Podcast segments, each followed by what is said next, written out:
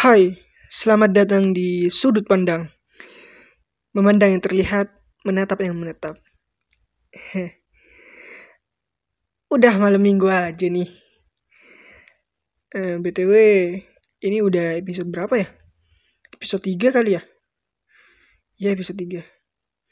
Kali ini gue bakal eh, ngebagiin sesuatu yang unik. Menurut gue ya, ya semoga menurut lo juga unik juga. yang gue tulis itu sekitar uh, berapa ya 8 bulan yang lalu atau 9 bulan yang lalu dan itu berdasarkan kisah nyata. Tapi bukan bukan kisah nyata gue ada sih temen gue yang kisahnya dia izinin buat gue tulis gitu. Langsung aja ya? Daripada lu nganggur kan gak ada kerjaan malam minggu. Gue tahu lu jomblo. Udahlah episode 3 aku menunggu langkah kita menjadi sejajar.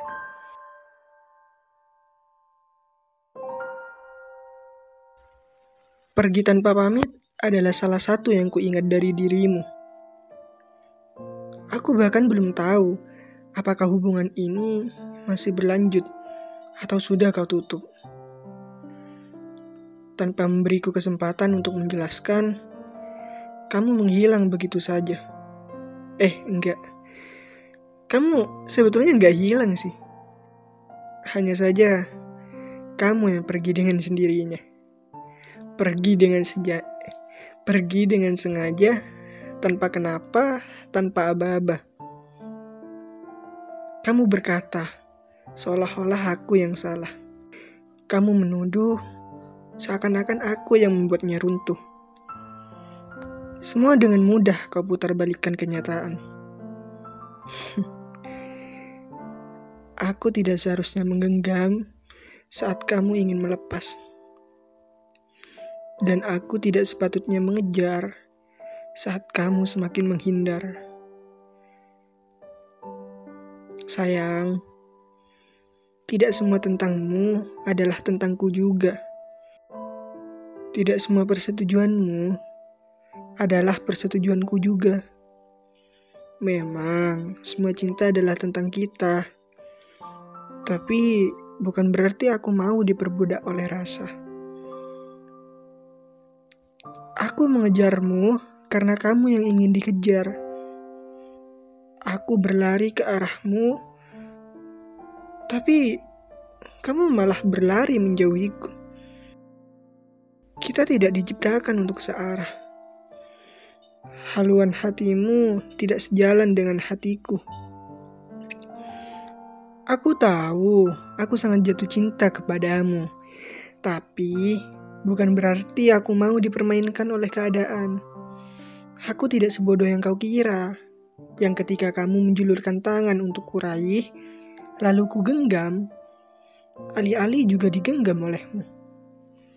Justru kamu melepaskan genggamanku hingga aku tersungkur jatuh.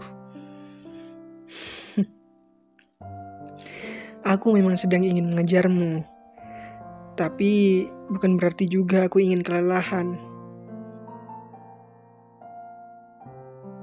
Saat dulu dirimu hampir kuraih, kamu semakin percepat langkahmu yang membuatku semakin kesulitan untuk mengejar. Langkahmu terlalu cepat untuk orang yang katanya sedang menunggu untuk dikejar. Dan selama perjalanan menggapaimu, aku bertemu banyak halang rintang. Dan ketika aku kelelahan, ada banyak orang yang menawariku air untuk melepas dahaga. Ada banyak orang yang menawariku tempat untuk istirahat, juga bahu untuk kusandari. Tapi aku menolak. Aku tetap bersikeras bahwa aku akan mencapai garis finish dan berlabuh di hatimu.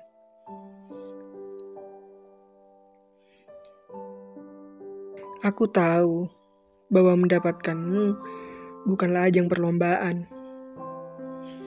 Tapi di sini, aku tengah berlomba dengan egoku sendiri. Aku ingin mengalahkan egoku yang sedari awal mengajakku untuk menyerah. Aku ingin mengalahkan egoku yang selalu menawariku tujuan yang lain.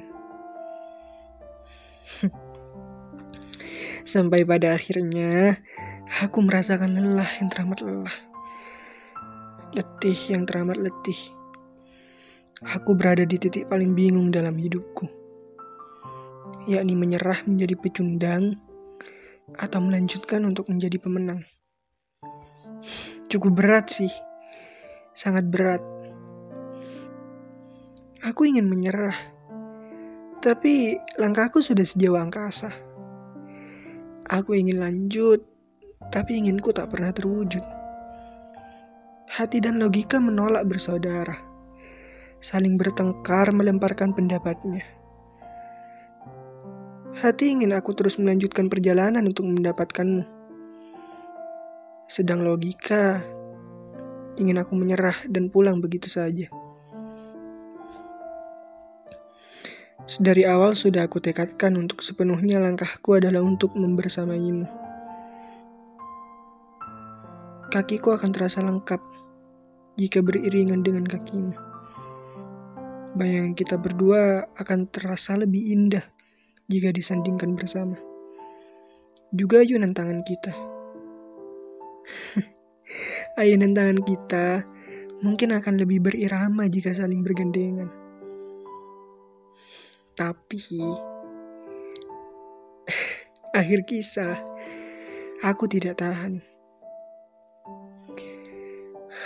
Aku perlahan mulai kehilangan nafasku karena kelelahan mengejarmu.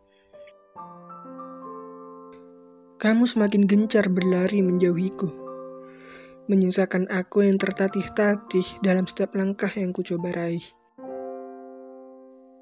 Aku lupa bahwa aku juga manusia biasa yang jauh dari kata sempurna. Aku terlalu berambisi dalam meraihmu, sampai-sampai aku tidak memikirkan kondisiku sendiri. Aku baru sadar Ternyata selama ini aku tidak memakai alas. Bajuku yang mulai tak beraturan dan banyak noda kusam semakin perjelas diriku bahwa aku adalah Majnun. Majnun, orang gila yang mengejar Laila yang entah kapan akan diraihnya atau bahkan tidak akan pernah. Rambutku pun ikut berantakan.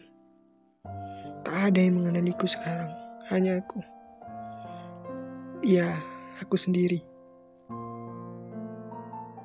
Waktu berjalan sebegitu lambat, seolah menyaksikanku seperti gembel yang tengah mengemis kasih sayang. Sayangnya, tidak ada yang beriku sepeser pun cinta selama perjalanan. Eh, sebenarnya bukan gak ada. Sebenarnya bukan tidak ada. Hanya aku saja yang tidak mau menerima. Namun, sekarang aku tidak akan berlari lagi. Aku tidak akan mengejarmu. Tapi aku juga tidak akan berhenti, pun tidak akan tinggal diam. Aku hanya akan berjalan perlahan, menunggu langkah kita menjadi sejajar. Dan jika kamu menoleh ke belakang dan mendapatiku sedang sendirian, aku harap kamu akan kembali dan bersedia menjajajarkan langkahmu denganku lagi.